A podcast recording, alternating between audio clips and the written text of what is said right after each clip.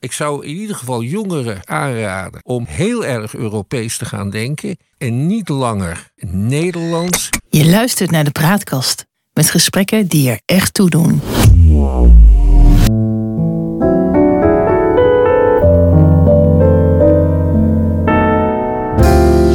Welkom bij de Praatkast.nl. Dit is een aflevering van het Geheugenpaleis. Mijn naam is John Knerim en samen met Han van der Horst maken we deze podcast. De geschiedenis herhaalt zich nooit, maar rijmen doet hij vaak wel. En in het Geheugenpaleis gebruiken we dat gegeven om dieper in te gaan op de actualiteit. Zo gaan we aan de waan van de dag voorbij en bereiken we de kern van het nieuws. We scheppen orde in de maalstroom van berichten die het zicht op de grote lijn belemmeren. En tussen beiden blijkt dat de werkelijkheid vaak genoeg elke fantasie te boven gaat. De huizenprijzen die zijn aan het dalen. De nieuwbouw die stort in. Beleggers dumpen hun verhuurbaar vastgoed. Bouwbedrijven en ZZP'ers komen zonder werk te zitten. Zie hier het resultaat van het beleid van woonminister Hugo de Jonge. Of zit het toch wat anders, Han? Uh, wat we zien gebeuren is het volgende. Eerst heeft men uh, de woningbouw zoveel mogelijk aan de vrije markt uh, overgelaten. Met een paar hele vreemde restricties erin. Dat leidde tot de huidige woningnood. En nu gaat Hugo de Jonge de andere kant op, althans die indruk maakt hij. En hij stelt maatregelen voor die ja, heel erg grof zijn en uh, daardoor het tegendeel uh, bereiken van uh, wat hij beoogt. Dat is heel merkwaardig. Dat gebeurde vaak ook in de tijd dat hij nog over COVID ging. Ja, dat is een soort zijn modus operandi. Maar nu, maar nu gebeurt het met, met woningbouw. Ja. En het mooiste is natuurlijk wat hij wil doen met het aanpakken van mensen die huizen verhuren. Ja. Want die maken misbruik van het gebrek aan woningen in zijn, uh, in zijn visie. En daarom wil hij de huren aan maxima verbinden. Er zijn ook allerlei plannen in de maak om uh, mensen die huizen verhuren, om die zwaarder te belasten. Ja. En het gevolg is daardoor waarschijnlijk dat er alleen maar minder huurwoningen van komen.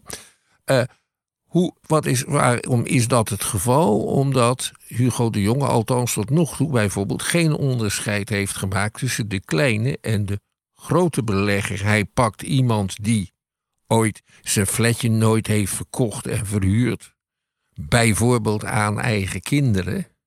Die pakt hij even hard aan als een internationaal bedrijf dat duizenden woningen in Nederland uh, exploiteert. Ja. Uh, nou, dat is dan uh, maar één aspect van, uh, van zijn beleid. Uh, om het even in, om even in perspectief te plaatsen. Er zijn ongeveer 250.000 woningen in bezit van kleine particuliere beleggers. En daar wordt het hele beleid ongeveer aan opgehangen. Op een totaal woningbestand van bijna 8 miljoen woningen in Nederland. Ja, en, en, inderdaad, wat er gebeurd is, die woningen die worden aan de huurvoorraad onttrokken. Want die beleggers gaan verkopen. Dus op de huurmarkt lost hij helemaal niks op. Uh, het wordt er alleen maar ernstiger op. En ja. uh, er is geen enkel perspectief uh, voor wie op het moment een huis zoekt, behalve als je miljonair bent. En ik zou ook jongeren willen aanraden om het, als ze dat kunnen, het voorbeeld te volgen van de zoon van een goede kennis van mij, dat is de Rotterdamse kunstenaar Cor Kraat. Die is in Turijn. Oh. Die is in ken jij Cor? Zeker ken ik Cor. nou, dat is leuk. Ik ken Cor ook goed. Dat wist ik helemaal niet. Ken jij zijn zoon? Nee, ik ken niet zijn zoon. Okay. nou, maar goed. Die zul je ook niet zo gauw meer ontmoeten. Uh, die is een ICT'er. En ja. die heeft uh, voor 800 uh, euro in de maand een prachtig laat 19e eeuws appartement gehuurd in Turijn. Ja, ja, daar gaat het wel waarschijnlijk. Dus het is, ja. uh, ik zou in ieder geval jongeren, twintigers aanraden om heel erg Europees te gaan denken als het om woningen gaat en niet ja. langer uh, Nederlands. Je kan prima in andere landen werk vinden. Vaak zijn, er bedrijven, zijn ook daar de bedrijven steeds meer ja. intern Engelstalig geworden, bijvoorbeeld. En er is niks tegen om er een vreemde taal bij te leren. Al is dat in het Nederlands, in Nederland in onbruik geraakt. Dus kijk, Europees. Ja, nou dat is inderdaad een hele goede manier natuurlijk om uh, de woningnood wat uh, te bestrijden. Laat je inspireren door de nieuwe reeks van Boer zoekt vrouw. Want dat gaat ook over boeren die in het buitenland wel de grond en de bedrijven konden vinden om te boeren op hun manier. Er zijn natuurlijk nog wel wat andere manieren om uh, wat te doen aan uh, die woningnood. Uh, iets waar volstrekt eigenlijk niet over gesproken wordt, dat is woningdelen. Dat is in heel veel andere landen van de wereld heel gebruikelijk. Dat een aantal mensen met elkaar gewoon een woning deelt. Want je moet ook begrijpen dat de Nederlanders in de afgelopen 100 jaar eigenlijk steeds groter zijn gaan wonen. Uh, veel groter dan bijvoorbeeld in Duitsland of in, uh, in Engeland. Dus ja, met elkaar een woning delen zou ook een stuk van de oplossingen uh, kunnen, uh, kunnen zijn. En, en ja, daarnaast geldt natuurlijk dat er gebouwd moet worden. Dat is eigenlijk het enige wat echt kan helpen. Bouwen, bouwen, bouwen. Maar die plannen van die jongen, die schrikken de bouwers en de beleggers af. Want die denken, ja, ik ga straks bouwen voor een huurmarkt... maar ik kan niet de prijs vragen die nodig is... om uiteindelijk rendement te maken op de bouw die ik heb gemaakt. Dus mensen doen op dit moment niks. De afgelopen jaren zijn er ongeveer uh, gemiddeld 60.000 bouwvergunningen per jaar uh, verstrekt. Nou, dat aantal is uh, dit jaar weer verder ingezakt. Dus ja, 900.000 woningen in de komende 10 jaar. Als die op de helft uitkomt, denk ik dat hij een hele goede zaak doet. Ik, dat vind ik echt het moeilijke met deze minister. En dat was ook zo tijden, ten tijde van uh, corona. Het, hij trekt ook nu weer het land rond. Sluit hij allerlei woonakkoorden met een handtekening erop. Alles voor de beeldvorming. Maar inhoudelijk is het allemaal zo dun als ijs van één nacht. Terwijl de oplossing voor de hand ligt.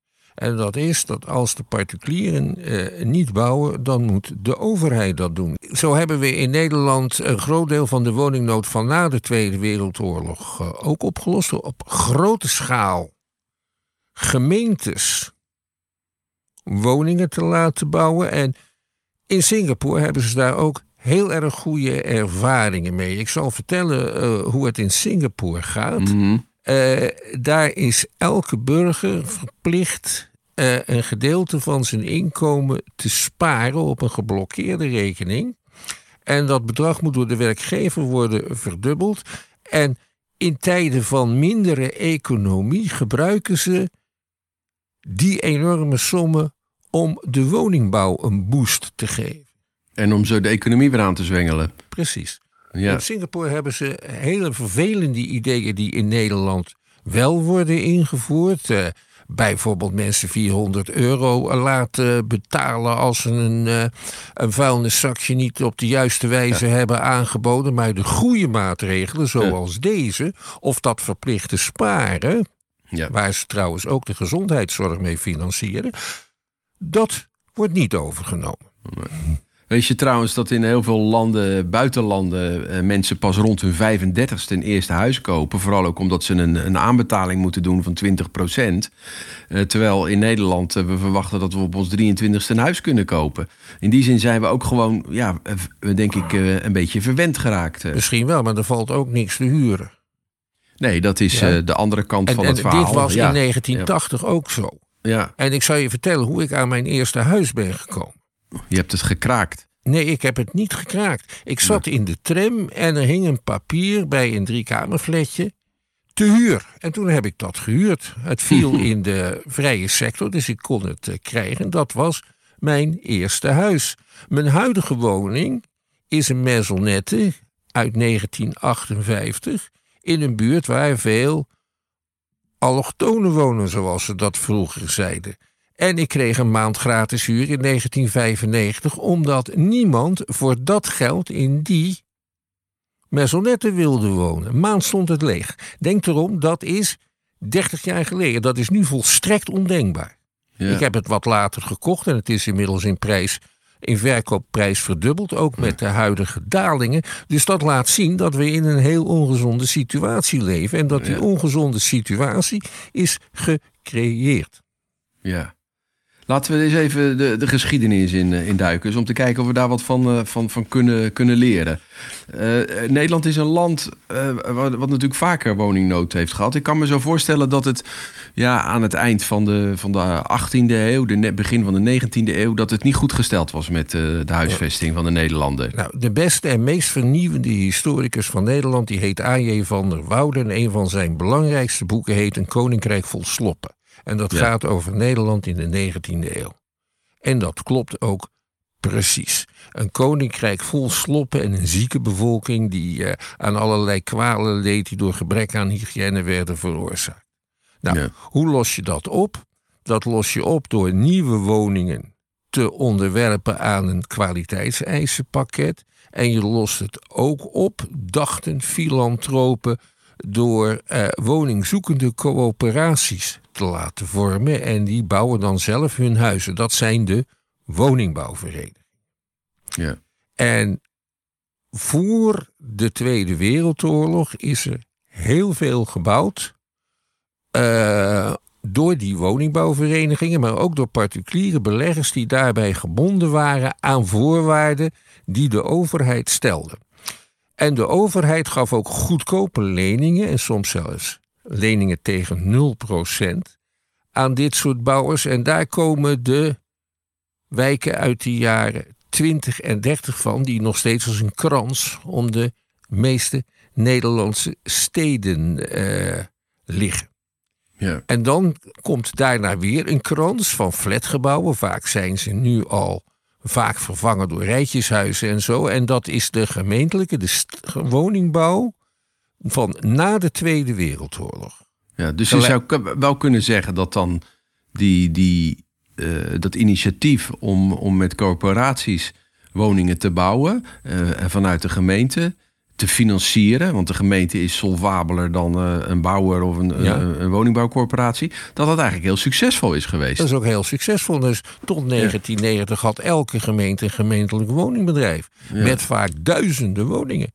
En ja. die zijn allemaal in de handen gebracht van de woningbouwverenigingen. Daar zijn woningbouwcorporaties van gemaakt. Dus de democratische structuur is eruit gehaald. Ja. En dan krijg je oplichtersfirma's zoals Vesta bijvoorbeeld. Vesteda, Vesteda. Ja. Vesteda bedoel je, ja. Ja, en Amsterdam had je, had je er ook zoiets. Weet je, die man nou die rondreed in zijn uh, Maserati. Ja. Ik zie hem nog zeggen bij die parlementaire enquêtecommissie van... Uh, vond u dat een goed idee, de Maserati? Dus die heel lang stil zegt hij... Ja, achteraf was dat misschien niet zo'n goed idee geweest. ja, dat was echt verschrikkelijk. Maar goed, laten we niet op die zaken vooruitlopen. Ja. Wat, wat is dan de reden geweest dat dan dat, dat succesvolle model zo, zo op een gegeven moment gestopt is? In de jaren tachtig van de vorige eeuw ja. beleefden wij eh, met Ruud Lubbers de no-nonsense tijd was een premier van een, van een aantal kabinetten. En hij ja. trad aan ten tijde van een hele grote economische crisis in Nederland. Ja. Met een enorm begrotingstekort en hele hoge rente. Ja. En de gedachte was dat is allemaal ontstaan omdat de overheid zich te veel met de economie heeft bemoeid. Daardoor ja. is ons geld opgeraakt. Daardoor is er gebrek aan krediet. En daardoor zijn er van die hoge rentes. Dus je moet uh, de markt het werk laten doen. Er was ook een goeroe, een economische goeroe, die dat preekte. Dat is een uh, professor Friedman, Milton Friedman uit ja. Amerika. En dat systeem, die gedachte, die heeft, heeft steeds meer ingang gevonden in Nederland bij de beleidsmakers. En dat, was, dat, kon, dat gold voor het CDA, dat gold voor Lubbers. Maar dat gold ook voor de Sociaaldemocraten onder Kok. Die niet voor niks een samenwerkingsverband aangingen met de VVD. Dat is de Paarse Coalitie. En in de afgelopen 30 jaar is er steeds meer sprake geweest van een terugtrekkende overheid. En ja. een privatisering van allerlei taken die door de overheid werden gedaan. Waaronder hun aandeel in de woningbouw.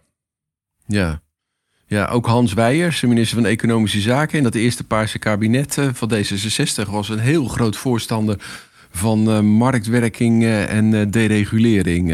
en zou je kunnen zeggen dat daar eigenlijk de zaadjes geplant zijn... voor de ellende waar we nu in zitten? Ja, net als voor de bankencrisis... die de hele wereld de grootste economische crisis sinds 1929 heeft opgeleverd. Ja. Allerlei restricties waar banken aan gebonden waren om te voorkomen... Ja eh, dat ze grote risico's zouden nemen. Die zijn ingetrokken en je ziet het resultaat. Ja, maar goed, dus, dus op dat moment in de ta- 80 jaren, 90 jaren werd het eh, voortouw genomen, werd begin ge- gemaakt met het eigenlijk privatiseren van die, van die eh, publieke eh, eh, woningbedrijven. En dat is ook helemaal uit de hand gelopen. Hè? We, gaven, we gingen er net al eventjes kort op in. Vertel daar eens wat over. Nou, je had dus de- aan de ene kant de gemeentelijke woningbouw- en woningbouwvereniging. Ja. En aan de andere kant had je iets dat heette de vrije sector. Ja, En als jij nou aan het opscheppen was over je zoon in de jaren 60, 70, 80, dan zei mijn zoon woont dus in de vrije sector. Met het woordje dus erbij, dat was toen een veelgebruikt stopwoord. Dat ja. betekent dat je een hoge huur betaalde en een markthuur. En eh, een gedeelte van de bouwcapaciteit van Nederland was toegewezen aan die vrije markt. ja. Eh, nu zijn de corporaties, de woningbouwverenigingen die ontstaan zijn na het privatiseren van die gemeentelijke woningbedrijven, die zijn zich gaan gedragen als particuliere eh, ondernemers, projectontwikkelaars op de markt. Daardoor werd, daartoe werden ze ook door de regering aangevuurd, want het idee was: als die nou maar veel winst maken als projectontwikkelaars, dan kunnen ze die winsten gebruiken om ze aan sociale woningbouw te doen. Ja, dat, gebeurde natuurlijk niet. Nee. nee.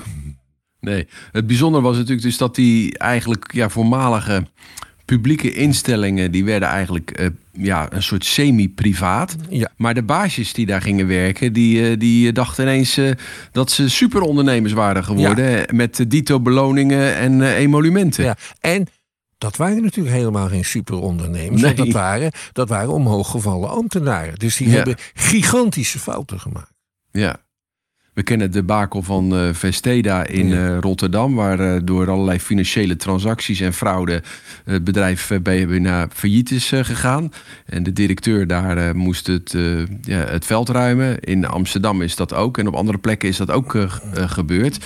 Ja, uiteindelijk een ve- veel te ver doorgeschoten eh, een, een marktwerking, maar er ook voor zorgend dat er voor gewone mensen geen huis meer was. Nee, want de wachttijden voor woningen, voor sociale huurwoningen, die zijn ongeveer even lang als in 1948 toen mijn ouders trouwden. Die Ja. trouwden in 1948 en in 1956 kregen ze een woningwetwoning toegewezen. Dat is na acht jaar. En waar hebben ze dan in die tussentijd gewoond? Inwonen bij opa en oma. En dan komen we weer terug met, bij het verhaal van, eh, van jou. Want je kunt natuurlijk met meer mensen in één huis wonen. In de praktijk gebeurt dat ook. Want je ziet ook dat niet van die fijne projectontwikkelaartjes ehm, woningen, zogenaamd dat heet verkameren. Ja, dat is soms En verschrikkelijk. dan kan je acht Ja. mannen in, eh, Ja. in een bovenwoningje zitten. Nou, dat bedoelen we toch niet, Ja. eh, Han? Hè? Nee. Iets anders waar ik steeds Ja. aan moet denken als jij daarover praat, dat Ja. is een gedeelte van de woningen die na de Tweede Wereldoorlog zijn gebouwd. En dat heette duplexwoningen. Ja. En daar kon je heel gemakkelijk van twee woningen één woning maken. En het was de bedoeling dat dat zou gebeuren als de woningnood was opgeheven. En dat is natuurlijk nooit gebeurd En dat- uiteindelijk. eh. Ja, vaak wel. ja, toch wel. Ja, heel vaak Ja. wel. En je ziet trouwens dat heel veel, als je nu in waren 20 en 30 eh, wijken komt, dan zie je dat eh, boven- en benedenwoningen gecombineerd zijn. Toen Ja. ik eh, geboren werd in dat, eh, op de zolder, hè, wa- waar mijn ouders inwoning hadden, toen hadden mijn opa en oma het bovenhuis en beneden woonden andere mensen. En Ja. nu is dat niet meer zo. Dat is één woning geworden. En dat geldt voor de hele straat. Ja, maar wat je bijvoorbeeld hier in Den Haag ziet, in eh, bijvoorbeeld het Statenkwartier, waar je van die hele, ja, hele statige panden hebt, waar vroeger altijd gewoon één familie in woonde, die zijn ze nu weer twee verschillende appartementen voor, aan, van aan het maken. Dus dat is ook een, toch een soort woningdeling is dat dan. Dat is een omgekeerde beweging natuurlijk. eh. Dat, dat is ook zo. Dat zijn ook elitebuurten, ook als elitebuurten destijds gebouwd. Eh, op de Roggense straat in Rotterdam heb je ook van dat soort enorme huizen... waar ze nu twee nog steeds heel ruime appartementen van maken. Ja, Hè, maar kleinere woningen... ja. Mijn opa en oma, waar ik het van vaders zeide... die wonen op een bovenwoningje met zes kinderen... ja. En die bovenwoning maakt nu ook de- deel uit van een combiwoning met wat daar, wat daar beneden zat. En daar was een voorkamer, een achterkamer, een gangetje, keuken zijkamertje en een tuintje. En dat was een gezinswoning in de jaren 20 en 30. Ja. Ja. Hebben, we- hebben we ook in Nederland wel eens een tijd gehad dat er te veel woningen waren? In de jaren 30. eh, toen waren er nog steeds heel veel mensen die geen huis konden vinden, omdat ze er geen geld voor hadden, net als nu. Maar als je er wel geld voor had, en dat kon al als je een baan had als ambachtsman en bijvoorbeeld 35 gulden in de week verdiende, dan waren er huizen te over. En dan kon je tegen de huisbaas zeggen: Ik wil wel komen, maar dan wel een maand gratis huur en een nieuw behangetje. En hoe kwam dat dan dat er toen te veel huizen waren? Eh, er waren te weinig mensen die ervoor konden betalen.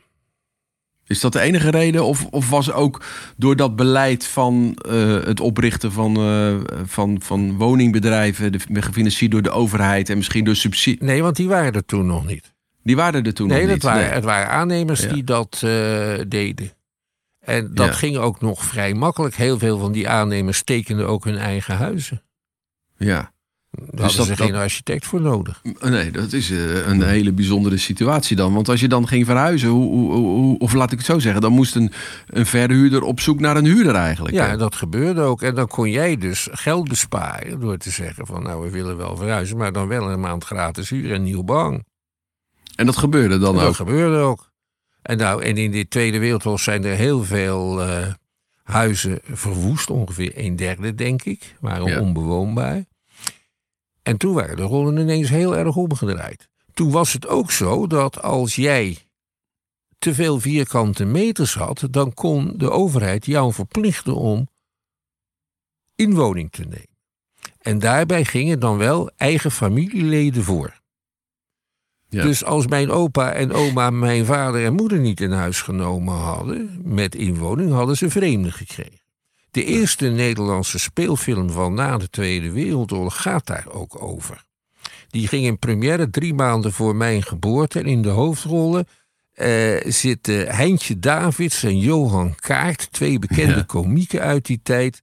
Platte Amsterdamse eh, handelaren op het Waterloopplein. En die worden dan geplaatst bij een deftige familie in de Apollolaan. Maar gelukkig wordt hun dochter verliefd op de zoon van die deftige familie. En de kritieken waren slecht. Dat wil zeggen, in de kranten stond dat het weer geen niveau had, maar dat het wel een succes zou worden. Het is ook een enorm succes geworden. Ja, ook in het ik, kan me voorstellen, ik kan me voorstellen dat het grappig was. Ja. Een koninkrijk voor een huis. Hij staat helemaal op, eh, op YouTube. Ik heb hem ook bekeken en dan denk je van nou, het is toch wel traag. Ja. Maar dat heb je veel met films uit die tijd. Een koninkrijk voor een, eh, voor een huis. voor een huis. Maar daar vertel je dus eigenlijk dat, dat de overheid eh, eh, de, de, het recht had om eh, te zeggen: jij moet je huis gaan delen. Toen wel. Ja. Maar met als argument, we zitten in een noodsituatie. Het land is voor een. eh, voor maar een maar was, het, was het dan zo dat er mensen op straat sliepen? Of, of hoe moet je dat voorstellen dan? Nee, want eh, er sliepen eigenlijk eh, waarschijnlijk veel minder mensen op straat eh, dan nu. Want daar kreeg je geen kans voor. En Maar waar waren die mensen dan? Nou, die kregen inwoning. En of je het nou wilde of niet, er kwam gewoon Ja. een ambtenaar langs. Die kwam even die kwam zeggen. U krijgt inwoning, moet inwoning nemen. Ja, ja, dus je kon je aanmelden als je een woning zocht. En aan de andere kant. Ja, en in, in het kader van met z'n allen de schouders erom, onder. En we zitten in hetzelfde schuitje en we moeten offers brengen. Ja. Dat prima. Weet je hoe ze een deel van die gemeentelijke woning, maar van die flats financierden? Met obligatieleningen. Vaak van Ja. hele kleine coupures. En dan stond er met kerstmis stonden er grote advertenties in de krant. Van gericht op ouderen die er warmpjes bij zaten. Koop die obligatierekeningen. Over acht jaar krijg je er het dubbele voor terug. En dat zijn dan de studiekosten voor je kleinkinderen. ja. En op die manier werden dan eh, de, de aanbouw van die nieuwe woningen gefinancierd. Dus Ja. als het gaat over er is geen geld. Nou ja, de, het is zo dat op dit moment eh, de woningbouw overgelaten wordt aan eh, de markt. En de markt zegt, ja, de bouwprijzen, de, de inkoopkosten, met name van materiaal, is erg hoog geworden. Ja. Als ik het ga verhuren, weet ik niet waar ik aan toe ben, hoeveel ik mag vragen van Hugo de Jonge. Dus ik ga gewoon eventjes helemaal niks doen. Ja. Dus dat zou dan wel een mogelijkheid zijn om, om daar weer verbetering in te brengen. Dat het wat meer overheidsgeïnitieerd Ja. eh, wordt. Ja, dat lijkt mij wel. Kijk, wat we nu hebben is het slechtste van alle werelden. Ja. Dus we hebben geen overheidsingrijpen waar het moet en wel overheidsingrijpen waar het negatief werkt. als, als wij dat nou hier zo op zo'n middag eh, of avond eh, kunnen bedenken, waarom kan Hugo de Jonge dat dan niet bedenken? Waar is zo'n man dan mee bezig? Nou, hij heeft geen eens een ministerie, hè? want het ministerie van Volkshuisvesting Is in eh, 2015 opgeheven. Minister Blok van de VVD, die daar in belangrijke mate voor verantwoordelijk is, die was er ook heel trots op. En die ging bovendien de wereld afreizen om tegen investeerders te zeggen: je kunt allerlei huizenblokken kopen, woningblokken kopen in Nederland, want zo, wij hebben allemaal sociale woningbouw, daar willen we vanaf. Ja. En dat is ook in grote mate eh, gebeurd bij de BlackRocks en grote institutionele beleggers eh, uit het buitenland, eh, die heel veel woningen hebben en ook Ja. de prijzen opdrijven nu natuurlijk. ja. Dus dit is eigenlijk wel ja, even een, een failliet van het totale woningbouw- en huisvestingsbeleid van de afgelopen 50, 60, 70 jaar. eh, Ja. Zo eventjes. Nou, het is wanbeleid. En eh, Ja. er zit ook een patroon in. Hè? Want de toeslagenaffaire, eh, wat er met de jeugdzorg aan de hand het is. gas eh, in Groningen. Ja. lijkt daar allemaal heel erg op. Ja, een beetje, laten we zeggen, onbekwaamheid. Niet Ja. kunnen, niet weten. Op een rare manier geobsedeerd zijn door ideologie. En je moet trouwens ook die ideologische obsessie van beleidsambtenaren niet onderschatten. Ja. Ja, die worden daar ook door gedreven van dat is hoe het moet. Ja, nou ken, kenmerkt de carrière van Hugo de Jonge zich eh, vooral eh, van het bedenken van plannen die eh, dwangmatig eh, opgelegd eh, moeten worden. Ik herinner me nog dat toen hij wethouder was in Rotterdam, eh, dat hij wilde dat men niet meer de school voor zijn kinderen kon uitkiezen, maar dat hij dat dan wel ging doen. Hij was trouwens ook ten tijde van de pandemie erg streng ten opzichte van de mensen die zich niet lieten vaccineren. En nou, zo kunnen we nog wel even doorgaan. Dit is gewoon een man die, ja, denk ik door zijn toch wel misschien wel gereformeerde invloed, bijna gereformeerde invloed, eh, denk dat hij een soort, ja, door God gegeven taak heeft of zo. En, en, en, en het gepeupel eventjes de goede kant op moet duwen. Nou, weet je wat het punt is? Eh, ik denk dat het eerder eh, de wet van Murphy is. Oh, Dus- namelijk? Of is dat eigenlijk de wet van Murphy? Of is er nog een andere wet? Er is een wet die zegt... op een gegeven moment komt iemand op een positie die die niet aan kan. Nee, is de, de wet van de, de Peters Principle. De Peters Principle. Je wordt gepromoveerd is- tot het niveau boven je kunnen. Ja, ja. dat het Peters Principle is Ja. heel erg zichtbaar bij Hugo de Jonge. ja. Dit kan hij niet. Nee. Nou, dat is geen leuke constatering. Maar ik geloof ook niet dat het kabinet, we zitten nu begin april, eh, nog heel erg lang zal zitten. Dus dan lost dat probleem zich vanzelf op. Want het CDA wordt gemarginaliseerd. Nou, dat, dat weet je niet. Ja, dat is misschien ook wel zo, ja. ja. Nou ja, we gaan het zien de komende tijd. We moeten het hierbij laten, deze aflevering eh, van het eh, Geheugenpaleis. We maken het in samenwerking met de Praatkast. En de uitzendingen zijn te vinden op www.praatkast.nl. Abonneren op onze podcast kan in je podcast-app die je veel gebruikt. En dan krijg je automatisch een bericht wanneer een nieuwe aflevering online komt. Vertel je vrienden over ons en laat vooral ook een beoordeling achter. Want dan vinden de zoekmachines ons sneller. En mailen mag ook naar info.praatkast.nl. Voor nu bedankt voor het luisteren en tot de volgende keer. Wees gelukkig, blijf gezond en word je dakloos. Zorg dan dat je het zo zichtbaar mogelijk bent. Want dat is het enige wat helpt. Waarom dan? Nou, je moet je niet schamen voor je dakloosheid. Maar je moet gewoon, je moet gewoon eh, in, in, ik zeg, moet je luisteren. Men heeft, men heeft de wereld tot mijn wc gemaakt. En dat loopt nou toevallig op de koolsingel en krijgt de pleuris allemaal. Dat is echt waar. Dat meen ik.